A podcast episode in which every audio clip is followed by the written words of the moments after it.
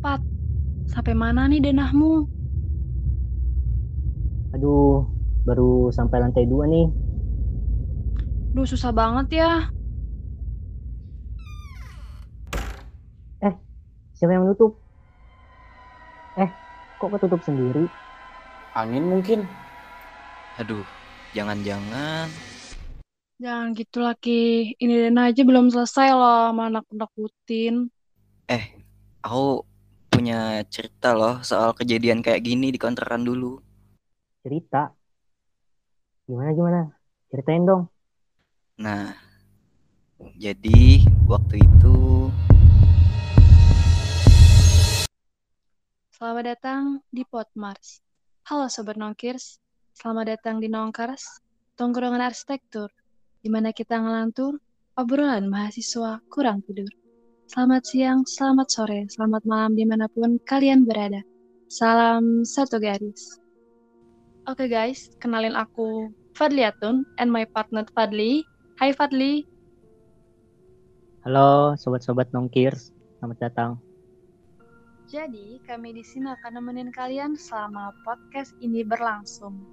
So, topik kali ini akan berbeda nih dari topik-topik sebelumnya. Karena sekarang kita akan membahas cerita anak arsi. Keseraman nugas tengah malam. Nah, supaya lebih seru, di sini kita ngundang teman-teman kita yang cukup mumpuni dalam pengalaman mistis nih guys. So, Padli, siapakah gerangan teman-teman kita ini? Ya nih, jadi kita sedang bersama teman-teman nugas kita. Ada Ilman dan Rizky. Halo teman-teman. halo sobat-sobat kesehatanan. Ya, Halo. jadi kita lagi asik-asik nugas kan. Tiba-tiba eh, pintu kita di basecamp itu nutup sendiri gitu. Nah, kemudian si Ilman ini nyeletuk. Dia punya cerita pengalaman-pengalaman yang tidak mengenakan saat nugas. Yaudah, eh, langsung aja ya kita dengerin atau kita simak cerita dari mereka. Siapa dulu nih mau cerita? Kayaknya gue dulu, kayaknya soalnya gue lebih tua sih, dikit.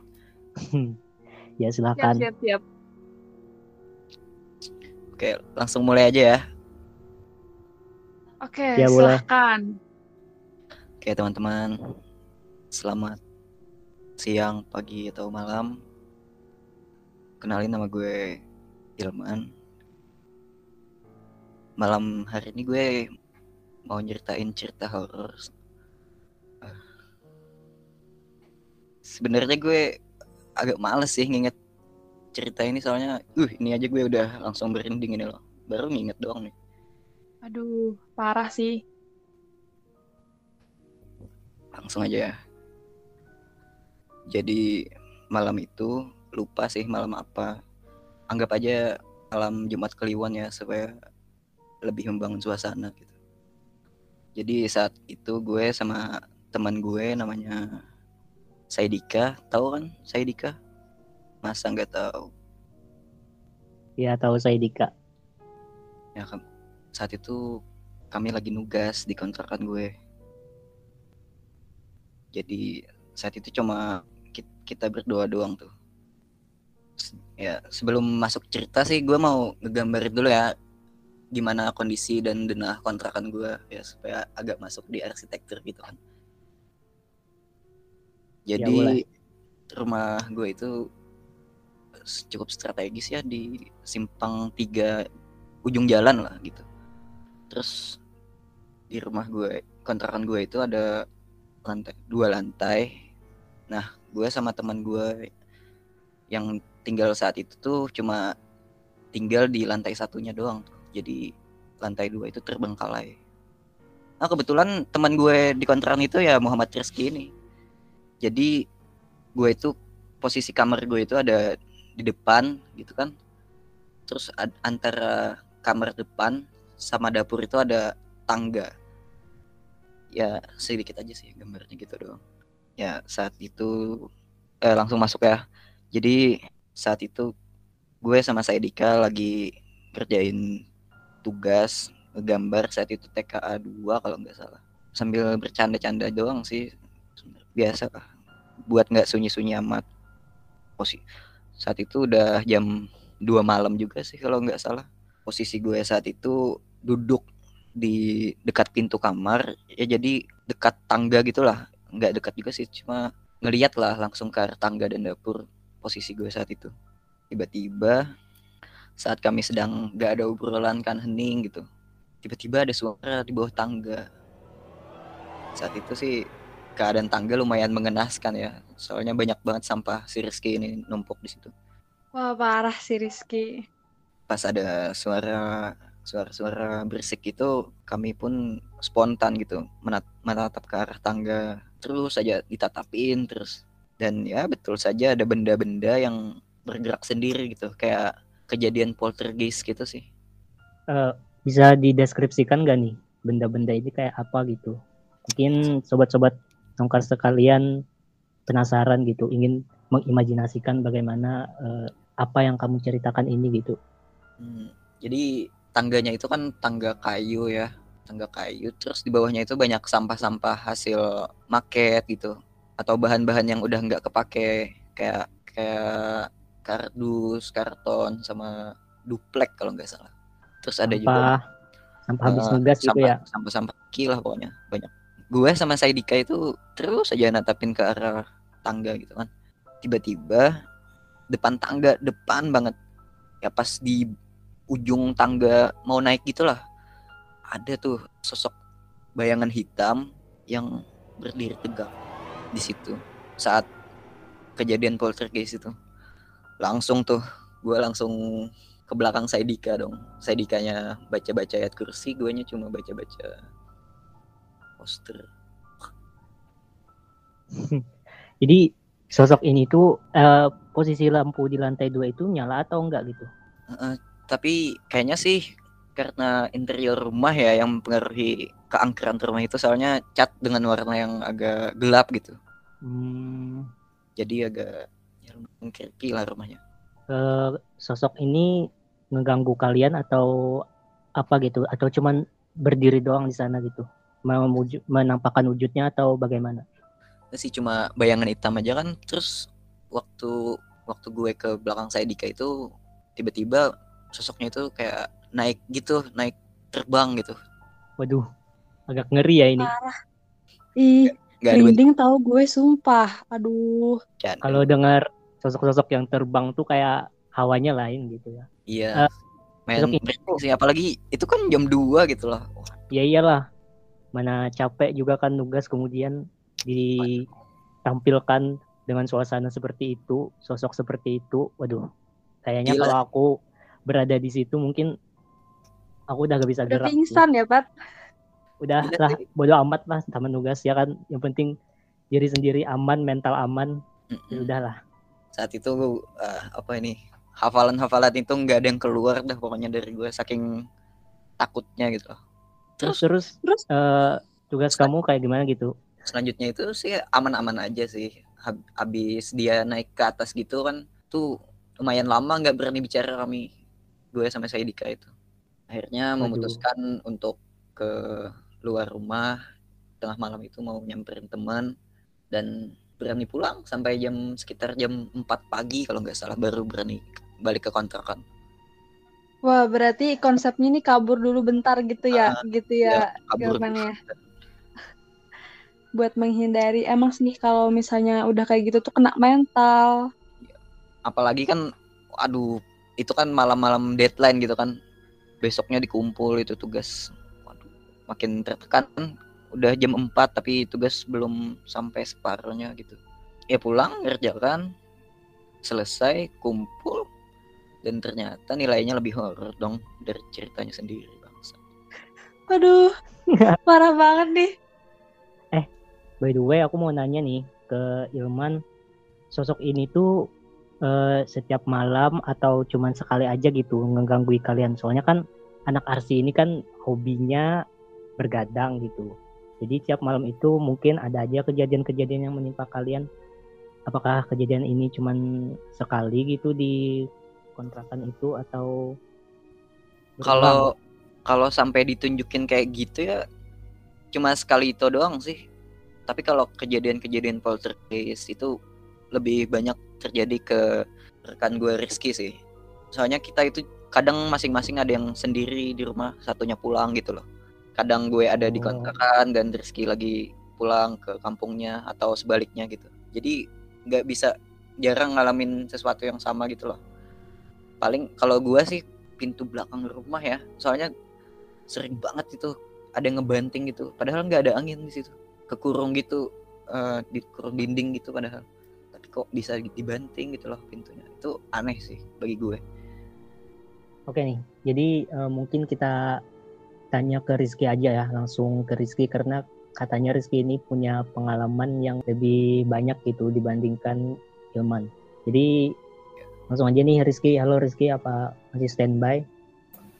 Ya, masih Fadli. Ya, bisa nih Rizky eh, mulai ceritakan cerita-cerita yang tidak mengenakan gitu saat kamu tugas. Ya, tapi gue mau nambahin sedikit sih tentang masalah kontrakan. Soalnya yang gue bahas di sini gak cuma di kontrakan, tapi di salah satu tempat kita kumpul dulu waktu semester 1 atau semester 2 lupa sih yang kita sering sebutlah ya, base camp, base camp. Oh, oh, iya, di base iya, camp iya. itu ya, Nah, iya Iya. betul. Ingat, ingat, ingat. Terus Tapi gimana bisa nih? Bisa Ya. diceritain nih. Ya tapi mau nambahin dulu sih, cuman pengalaman waktu di kontrakan nambahin sedikit. Jadi Ya udah, gak apa-apa. kan kata Borgi tadi gue bisa sendiri kan di rumah Borki pulang atau aku yang pulang nah kebetulan waktu itu Borki lagi pulang kampung dan gue masih standby lah di kontrakan kebetulan juga teman-teman yang sering ke kontrakan itu pulkam eh, kayak Fuadi, Aksal, eh enggak sih, Aksal netap aja sih. Eh, kayak Sadika, Sadika juga gak datang kalaunya gue sendiri. Jadi pokoknya sendirilah. Nah, eh, pas waktu itu sunyi banget lah pokoknya malam itu lagi nugas, lagi nugas apa sih? Eh, catat-catat gitulah kayaknya mata kuliah mata kuliah Patar Coba tuh, Patarjita apa mata kuliahnya? Fisbang kalau nggak salah ya nggak sih Waktu semester Atau berapa bahan nih? bangunan nih? bahan bangunan ya gitu Nah, ya itu. Nah, pas kebetulan Kenapa? malam itu lagi nyatet buat eh, tugas besok kan. Soalnya besok mau ini, mau ada ulangan kalau nggak salah. Jadi kebetulan gue gak berani sih tidur di kamar gue sendiri. Soalnya kamar gue tuh tepatnya pas di belakang yang sering disebutin Borki. Dekat sama pintu belakang yang suka ada yang ngedobrak gitu.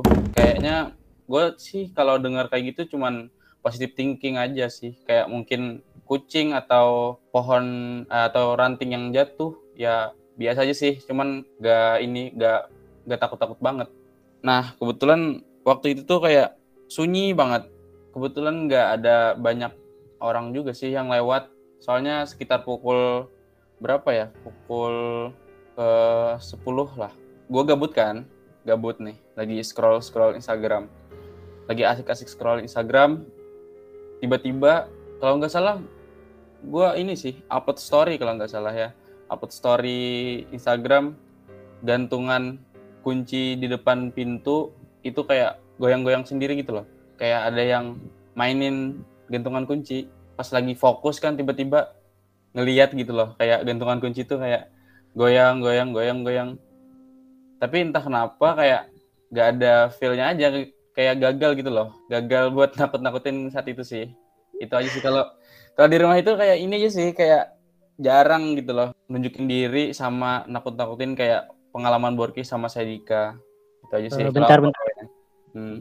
Aku mau nanya nih, eh, posisinya gantungan itu di dalam ruangan atau di, di luar ruangan gitu? Karena bisa jadi kan pintunya kamu buka terus ada angin atau gimana gitu.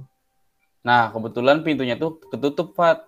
Tapi kok ada eh, gantungan kunci yang goyang gitu loh. Berarti ada sesuatu yang mainin gitu ya? Kamu udah yakin gitu?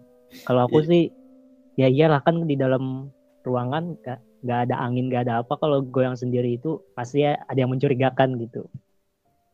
Ya gitulah. Pokoknya pengalamannya cuma kayak gitu aja sih. Kalau kayak pengalaman kecil, soalnya kan di kamarku tuh aku punya WC sendiri kan. Nah, di dalam WC itu eh, paling kayak tiba-tiba keran hidup. Itu sih kayak biasa aja sih. Soalnya kayak kalau mereka ada di rumah, kalau teman-teman lagi nginap di rumah kan, gue tidurnya sama ini sih, sama mereka sih kayak nggak berani gitu loh tidur sendiri. Cuman kamar tuh buat naruh baju, pakaian kayak kayak gitu aja sih. Jarang ditempatin lah, soalnya takut juga sih kalau sendiri. Tapi kalau ya sendiri ya udahlah nikmatin aja kayak udah mau ngantuk-ngantuk banget baru mau tidur gitu loh. Oke nih, mungkin hmm, dari Borki, eh dari Ilman ada yang ingin ditambahkan nggak nih? Karena kalian kan satu kontrakan gitu apa kamu punya pengalaman yang mungkin sama gitu dengan Rizky mana ya ini bukan pengalaman gue sih tapi sebelum sama Rizky gue itu dulu sama teman dari teknik lain lah dari prodi lain gitu. Nah dia dia itu pernah juga tuh ketinggal sendiri di rumah di kontrakan. Dan saat itu kamarnya itu di atas di lantai dua. Pernah siang aja loh kejadiannya ini. Pernah dia beli donat gitu kan. Terus donatnya itu ditinggal dia bersih bersih rumah gitu kan pas dia balik mau makan donatnya eh kayak selai-selai yang ada di atas donatnya itu udah habis gitu loh kayak ada yang jilatin gitu. Itu siang lah kejadiannya padahal. Dan hmm. posisinya saat itu dia sendiri di rumah. Nggak ada kucing di, di kontrakan. Gue yakin nggak ada kucing sih. Itu maksudnya di kontrakan yang sama gitu? Iya sama. Di lantai duanya malah. Soalnya Berarti ya gimana ya? memang... kontrakan itu tuh sebelum kami menyewa dulu kan. Kontrakan itu tuh udah dicap sama orang-orang sekitar sebagai rumah yang lumayan angker katanya. Banyak kejadian-kejadian mistis gitu banyak penampakan kelihat gitu. Tapi selama ngontrak di situ baru itu tadi sih kejadian yang ganggu kami. Gak ada yang lebih hmm. lagi jadi eh, jadi emang dari dulu ya kontrakan uh, itu memiliki emblemnya sendiri gitu. Iya. Sampai sekarang kalian masih nggak uh, kontrak di situ? Enggak sih, udah pindah. Sama Rizky juga kok. Udah kapok oh, ya kalian ya masih... ya kayaknya. Iya, mahal banget. udah mahal, berhantu lagi, aduh rugi banget. Udah kayak wisata ya. Ini loh, gambaran rumahnya tuh kayak kalian tahu ini kan rumah pengabdi setan kan? Ya. Nah itu loh fix fix sumpah rumahnya tuh kayak kesannya angker. Uh. Emang emang angker kayak rumahnya tuh banyak daun-daun yang bekas yeah. jatuh gitu loh. Iya oh, iya. Soalnya kami oh. kami orangnya ini kan nggak banyak banget gitu loh jadi malas juga ngebersihannya orang yang pemilik rumahnya aja nggak nggak nggak peduli banget ya peduli iya eh bentar deh kayak gue mau tanya deh kan kata kalian kan itu kan kontrakan itu ya agak mahal gitu so uh, banyak ya isu-isu yang miring lah tentang kontrakan itu. Nah gue tuh penasaran kenapa gitu? Kalian tuh masih mau gitu? Waktu itu tuh ngontrak di situ guys. Kenapa nih? Nah iya itu kenapa? Uh, kayaknya aku bisa sih bor nambahin ya atau nyeritain. Ya silakan nih. Nah kebetulan pas waktu dulu tuh aku masih ini kan masih ngikut sama kakakku lah di apa di tempat kuliah ini. Jadi masih numpang sama kakakku.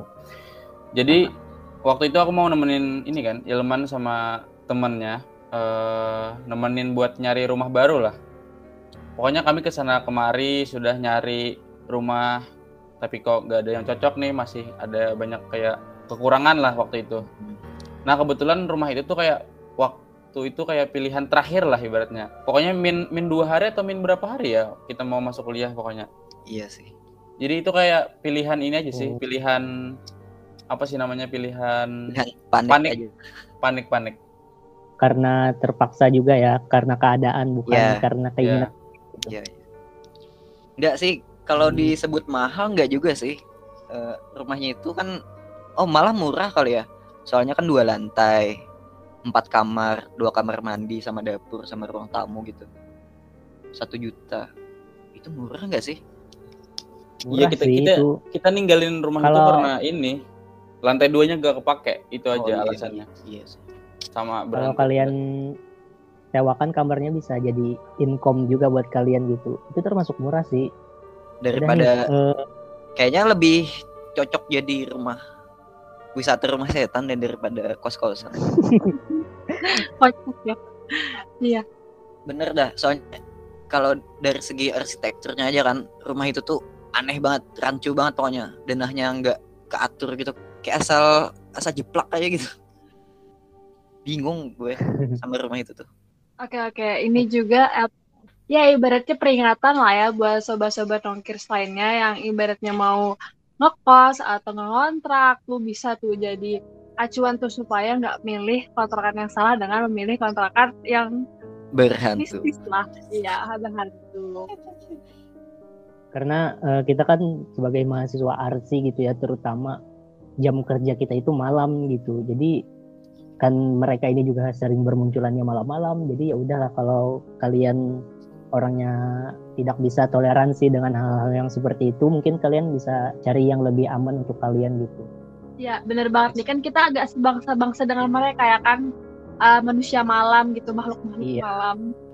oke nih eh, ada lagi nggak yang ingin kalian ceritakan gitu tentang pengalaman-pengalaman yang lain eh, selama kalian berkuliah ini atau sama kalian tugas gitu kalau kontrakan sih kayaknya udah habis ya Kalau kontrakan ini udah Ya, habis kalau- sih. Tapi sebenarnya ada lagi sih ntar. ya episode episode nanti aja kali ya Ki Iya, iya. mau disimpan Mudahan aja ya kami diundang lagi bisa nih nanti kalau kita banyak viewersnya atau banyak yang tertarik dengan segmen segmen seperti ini mungkin kita bisa undang kalian lagi gitu. Sebagai icebreaker kita gitu nggak mesti harus ngomongin tentang arsitektur tapi ada juga eh, bumbu-bumbu dari sisi lain gitu. Oke nih sobat nongkirs Eh, di sini kita juga ada mengadakan beberapa Q&A dari Instagram kita Himars.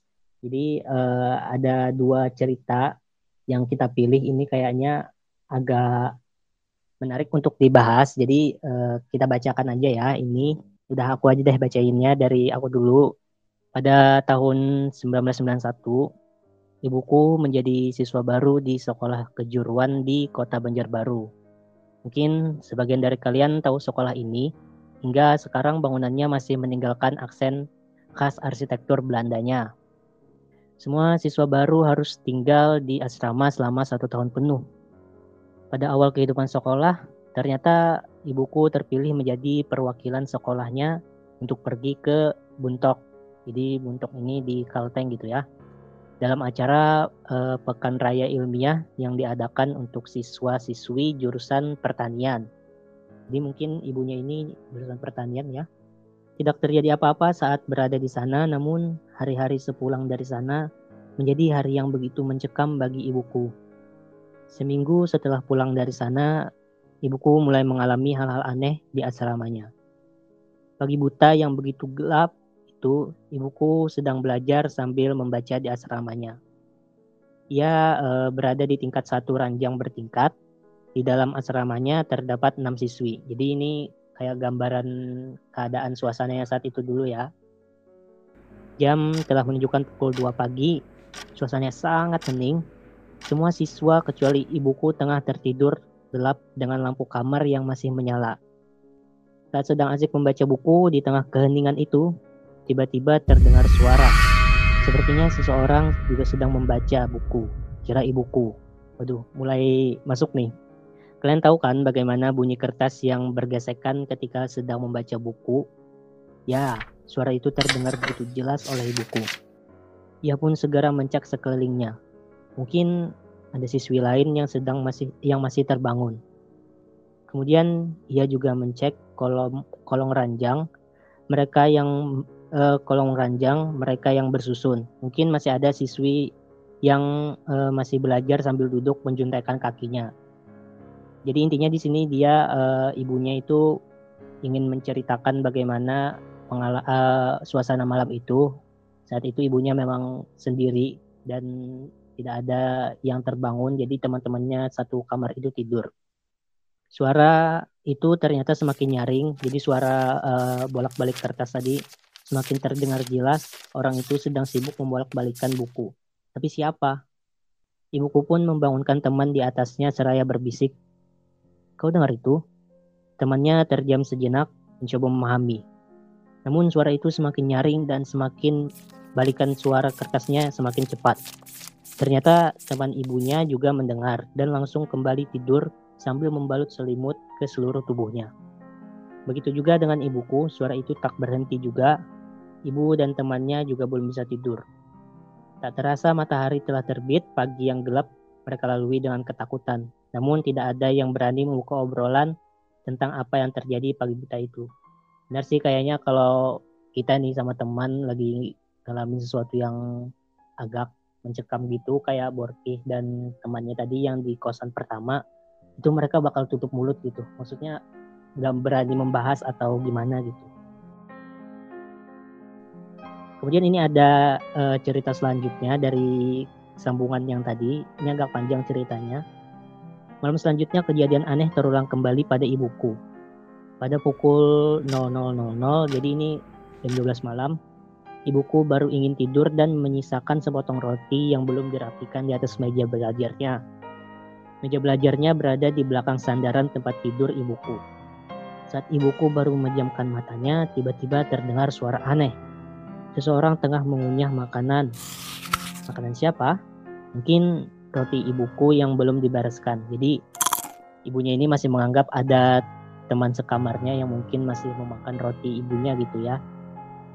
Namun suara makannya sambil mengecap terdengar tepat di telinga ibunya. Waduh, ini kalau udah di samping badan itu rasanya badan itu agak nge-freeze gitu, nggak bisa ngapa-ngapain lagi. Tentu suaranya begitu nyaring. Suara mengunyah, suara menggigit, suara mengecap, suara-suara itu yang terdengar dengan jelas dan nyaring. Ibu tidak berani membuka mata dan hanya terdiam terpaku. Bisa dibayangkan, orang itu sedang duduk di meja belajarnya sambil makan. Itu berarti posisi orang itu tepat berada di atas ibunya. Kutanya pada ibu, kapan suara itu berhenti? Ibu menjawab, selama ibu bangun, selama itu juga orang itu makan.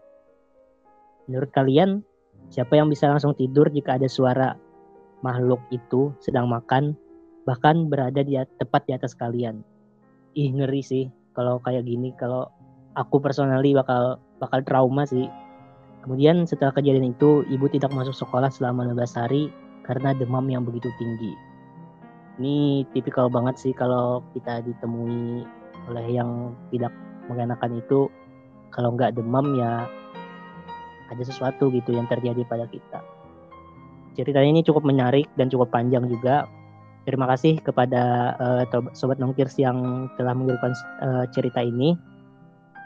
Ada lagi satu cerita mungkin bisa dibacakan oleh Atun nih. Silakan Atun. Oke Padli, terima kasih nih. Tapi sebelum kita ke next story DM selanjutnya, gue mau tanya dulu nih tanggapan dari Rizky. Nah, gimana nih Ki tentang cerita tadi tuh Niki? Wah, parah banget sih. Itu kayak ini kan, faktor karena itu bangunan lama juga kan sih. Jadi otomatis gitu loh, kayak penduduk atau penduduk orang orang alam lain pasti banyak banget tuh. Jadi kemungkinan ibunya si orang yang ngirim uh, di DM ke kalian itu uh, ngikut lah orangnya kayak orang dari alam sebelah. Jadi ngeri banget waktu si Fadli nyeritain tentang yang ada suara mengecap di samping telinga gitu loh. Kayak posisi uh, hantunya itu kayak berada pas banget di samping si ibunya. Wah, tapi ini ini loh berhubung tentang hantu yang berada di dekat korban atau si ibunya tadi aku ada cerita loh kayak cerita yang hampir nggak hampir juga sih. Pokoknya hantunya itu pas berada di deket orangnya gitu loh. Kayak hantunya sangat mengganggu lah ibaratnya oke jadi Rizky ada cerita yang mungkin mirip dengan cerita yang kita bacakan tadi ya bisa nih Ki diceritain dulu biar menambah cerita-ceritanya gitu. Oke, makasih Fadli. Nah, uh, ceritanya ini waktu kita, masih semester 2 atau satu sih, aku lupa waktu itu. Kayaknya satu deh, mata kuliah ini. Apa sih yang bikin maket-maket gitu? Perubahan bentuk, iya nggak sih? Oh ya, itu semester satu kan? Iya. Iya, semester satu. Nah, kebetulan waktu itu aku kan masih ini, masih numpang sama kakakku kan. Di soalnya masih belum tahu loh kayak kondisi atau suasananya di Banjarbaru itu kayak gimana. Soalnya kan aku anak rantauan dari Kalimantan Tengah. Nah, kebetulan itu kita ada niat mau nyewa atau mau ngontrak lah suatu rumah yang bu bisa dijadikan base camp buat kita kumpul-kumpul buat ngerjakan tugas bareng dan lain-lain lah kayak sewajarnya base camp. Nah, kebetulan waktu itu kan sibuk banget kan, kalian tahu sendiri kan kayak mata kuliah gubahan bentuk itu sangat sibuk lah. Iya benar-benar benar. Iya, buat market, terus bikin poster dan lain-lainnya. Nah, waktu itu kayaknya hampir kayaknya ini sih UAS kalau nggak salah. UAS itu otomatis kita lembur pagi, siang, sampai malam, pagi lagi. Ya, gitulah. Pas lagi capek-capek lembur, pas waktu pagi itu masih aman-aman aja sih. Pas pagi pagi banget tuh masih aman banget. Kebetulan waktu itu ada sekitar 10 atau 11 orang lah di base camp. Eh, lima di antaranya lagi tidur kayaknya, masih tidur. Soalnya pukul pagi itu sekitar pukul 8 atau 7 kayaknya, masih pada molor lah orang-orangnya. Nah, pagi waktu itu si temen aku ini kan kayak si Ilman itu lagi lapar kan lagi lapar terus niatnya mau nyari makanan. Nah sebelum nyari makanan tuh ada enam orang bangun. Ini perlu aku sebutin nggak orang-orangnya? Gak usah deh kayaknya. oke oke. Disamarkan aja ya. Ya pokoknya teman-temanmu lah, ya kan Iya. teman-teman kita. ya sekitar ada lima atau enam orang. Kayaknya enam orang deh. Jadi pas pagi tuh kan sewajarnya manusia umum lah. Pasti pagi itu kepingin ini kan pingin BAB pengen pi- kepingin BAK terus dan lain-lainnya lah. Pokoknya bebersih pagi lah ibaratnya. Nah yang duluan tuh ada tuh temen temen gua kayak satu aja sih. Eh yang pertama lah. Nah kebetulan yang pertama tuh masih aman-aman aja kan. Kayak masih nggak apa-apa lah. Nggak ada kejadian-kejadian mistis lah. Nah yang kedua masih aman-aman aja tuh kayak masih ketawa-tawa masih asik. Nah pas waktu ketiga itu ada tuh temen salah satu temen lah yang inisialnya inisialnya H kepingin berak tuh. Jadi berhubung udah lagi gabut kan lagi nunggu "Wah, apa sih ini? Berak mulu gak jadi berangkat nih. Kayak celetuk temen ini kan temen salah satu temen kami kan. Jadi nungguinnya lama gitu loh. Jadi gabut kan lagi gabut nungguin. Si Hala ini kan lagi ini ya BAB terus pas lagi adem ayem dia lagi lagi BAB terus si temen salah dua temen kita yang inisialnya U sama B ada niat tuh ada niat jahil. Soalnya kan ya gimana sih kayak kalau cowok semua itu pasti juga- ada kan kayak niat jahil Teman. buat ngejahilin teman lah jahil-jahilnya. iya Iya ya terus terus. Iya. Pas lagi ada niat jahil kan, si H ini lagi asik nih, lagi asik di WC, lagi lagi menikmati lah momen-momen terindah dalam hidupnya. Jadi si B sama U nih langsung tuh ambil HP, eh, ngambil foto pas lagi H-nya lagi berak. Nah kebetulan si B ini yang paling tinggi, yang paling badannya paling inilah, paling besar di antara kami semua. Jadi dia yang paling memungkinkan untuk ngambil foto lewat ventilasi. Nah, pas saat itu kami masih ketawa-ketawa tuh kayak wah ambil tuh ambil biar kita abadiin, biar kita jadiin bahan buat ketawa eh, bi- biar jadikan candaan sama teman-teman yang lain. Yaudah yaudah yaudah kata yang lain kan. Udah ambil pas ngambil foto pas lagi si Hani berak kan otomatis ini kan kayak jongkok gitu kan. Jadi nggak mungkin badannya setinggi ventilasi. Nah pas lagi si B nih ngambil foto si B si B ini kan nggak sampai kan kepalanya atau matanya langsung nengok ke arah dalam WC nah pas lagi ambil foto pas dicek gambarnya tuh kami langsung terkejut dong kayak anjir kayak gini kok tiba-tiba kayak ada orang setinggi ventilasi gitu loh tingginya kayak nengok ke arah si H yang lagi berak gitu loh.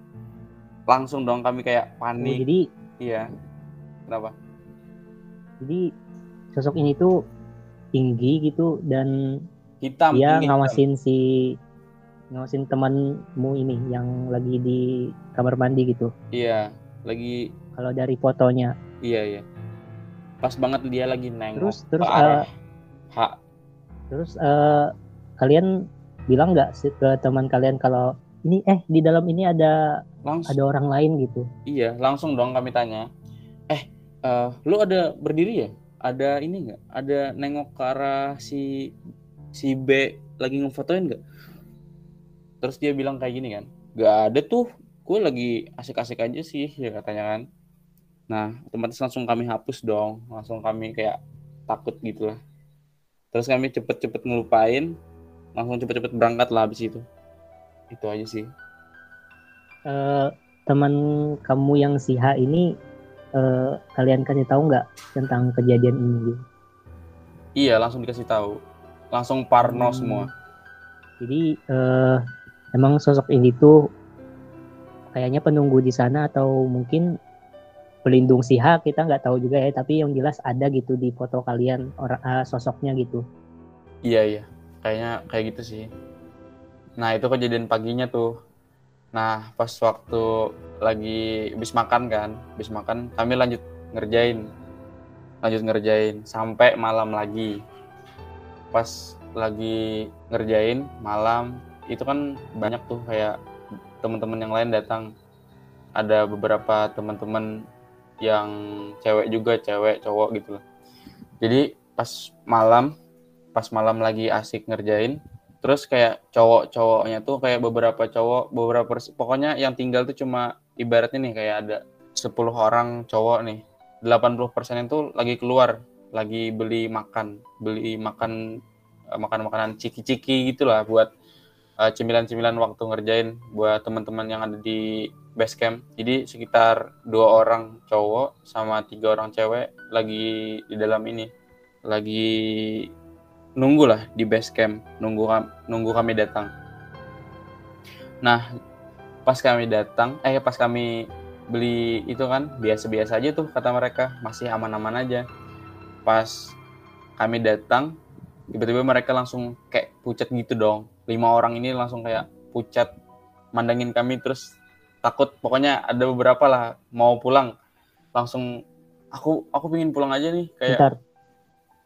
Bentar, bentar. Berarti kamu ini nggak di nggak di base camp pada saat itu kamu pergi keluar juga gitu. Beli Iya, ini pengalaman. snack.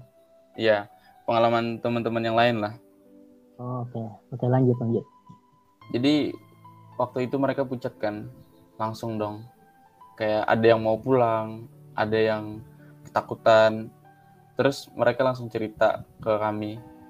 Tadi tuh ada yang ngetuk pintu, kami kirain kalian, kata si salah satu cewek teman kami kan. Lah, ini baru pulang kata kami kan. Mana ada tadi eh, kayak mana ada kayak duluan ada yang duluan datang terus pas waktu kami cek gak ada orangnya katanya. Sekitar ya untung kalau sekali kata mereka. Ini kayak berkali-kali gitu loh ngetuknya kayak kayak mungkin negur mungkin kami karena mungkin kami berisik katanya. Kayak gitulah. Gitu aja sih kayak pengalaman untuk di base camp ya. Kayaknya eh, memang eh, base campnya ini agak agak gimana gitu ya. Karena kalau aku sih eh, berkunjung ke base camp ini kayak ini kan base camp yang kita waktu semester satu itu kah? iya iya Ya enggak? betul betul Kayaknya emang da- eh, base campnya itu auranya emang lain gitu. Eh, aku gak tahu juga kan gak, gak tahu juga kenapa pada aku pada saat aku masuk base camp itu lampunya kayak agak kok remang gitu. Kenapa nggak diganti aja gitu? Itu mungkin itu juga sih yang menambah eh, hawa-hawanya. Tapi setelah mendengar dari kalian bahwa benar-benar ada kejadian yang seperti itu, ya aku cuman oh ya sama eh Atun nih, kamu ada yang ingin kamu tambahkan nggak? menanggapi cerita dari Rizky ini. Kamu kan uh, juga pernah ya ke base camp itu? Ya, kalau misalnya aku sih ya aman tentang sejahtera ya. Nggak pernah sih kalau lagi digangguin kayak gitu. Syukurnya dan alhamdulillahnya begitu. Tapi uh, melanjutkan yang tadi, aku mau nambahin nih. Oke, okay, kalau misalnya nambahin, mungkin aku bakal nambahin uh, story dari beberapa orang yang ngechat DM di akun IG Himars. Oke okay guys, jadi ini dari at Raflia Rifani. Nah, nanti bisa ya dengerin podcastnya buat dengerin cerita kamu. Nah, jadi dia ini menceritakan begini ceritanya. Pernah waktu malam hujan mau balik dari kampus. Terus hujannya aku terobos aja kan. Nah, ngebut sampai depan gang kosan pelan-pelan. Soalnya knalpot berisik pas lagi santai. Tengok kanan, gak sengaja nih lihat rumah gak ada nyala lampunya. Terus di depan pagar ada anak cewek, baju putih, ada kotor, duduk merenung depan rumah. Wah, gila sih, merinding nih gue. Nah, kan dalam pikiran gue, ngapain tuh hujan-hujan? pas baru ngeh langsung deh ngebut nah semenjak itu setiap lewat pasti nengok rumah itu itu ceritanya tapi gue bingung sih kenapa dia pas lewat selalu nengok rumah itu kalau gue pribadi sih kalau udah tahu gitu kalau lewat nggak bakal tuh nengok lagi ke situ mungkin nanti ya antara peliari Fani nih bisa bales nih jawabannya nih di DM Himas nanti oke nih uh, berdasarkan cerita oleh yang tadi dibacain oleh Atun, kayaknya emang rumah ini kayak mengundang uh, orang yang lewat untuk uh, fokus kepadanya gitu. Karena bisa jadi kan rumah ini tuh kayak menyimpan aura-aura yang yang kurang enak gitu sehingga kalau kita lewat itu bawaannya pengen pengen ngeliat aja gitu. Dan uh, unfortunately atau ya unfortunately orang ini ditampakkan dengan sosoknya gitu. Oke nih uh, sobat-sobat dongkirs uh, kayaknya udah panjang banget kita uh, cerita pada episode kali ini karena uh, ini kita episodenya santai-santai saja jadi mungkin banyak bercandanya atau gimana. Uh, tapi nggak apa karena ini adalah section yang baru dari Potmars ini. Dari cerita-cerita tadi mungkin uh, ada nih ya kayak penutup lah dari kedua teman-teman kita ini dari uh, Ilman atau dari Rizky yang ingin disampaikan kepada audiens uh, sobat Nongkirs nih. Boleh disampaikan dulu.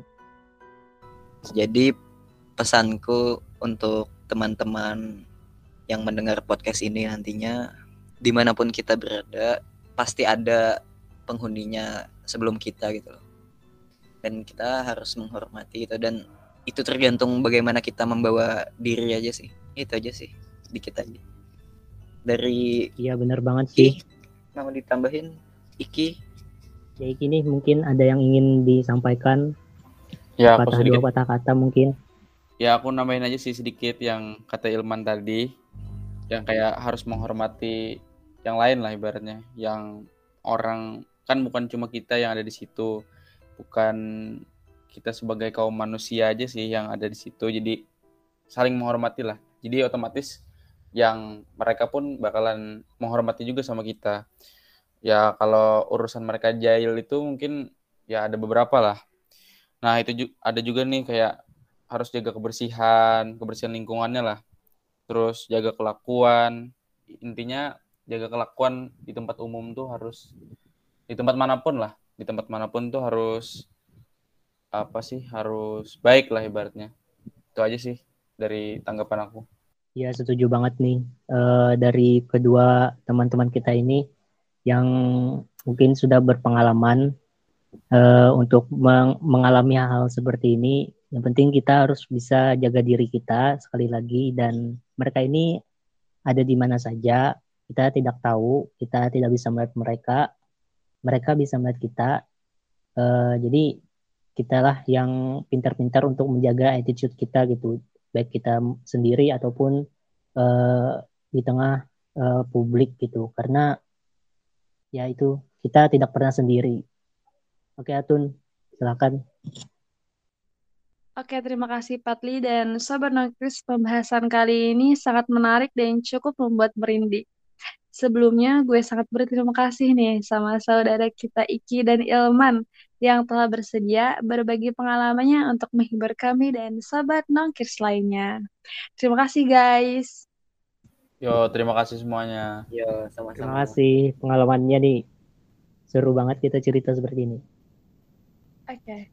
And so guys, jangan lupa untuk patengin akun IG Himars underscore ULM karena kami nanti akan ngadain Q&A seputar Podmas dan jangan lupa untuk terus dengerin Podmas dengan topik-topik menarik lainnya yang akan nemenin tongkrongan kalian menjadi lebih menyenangkan.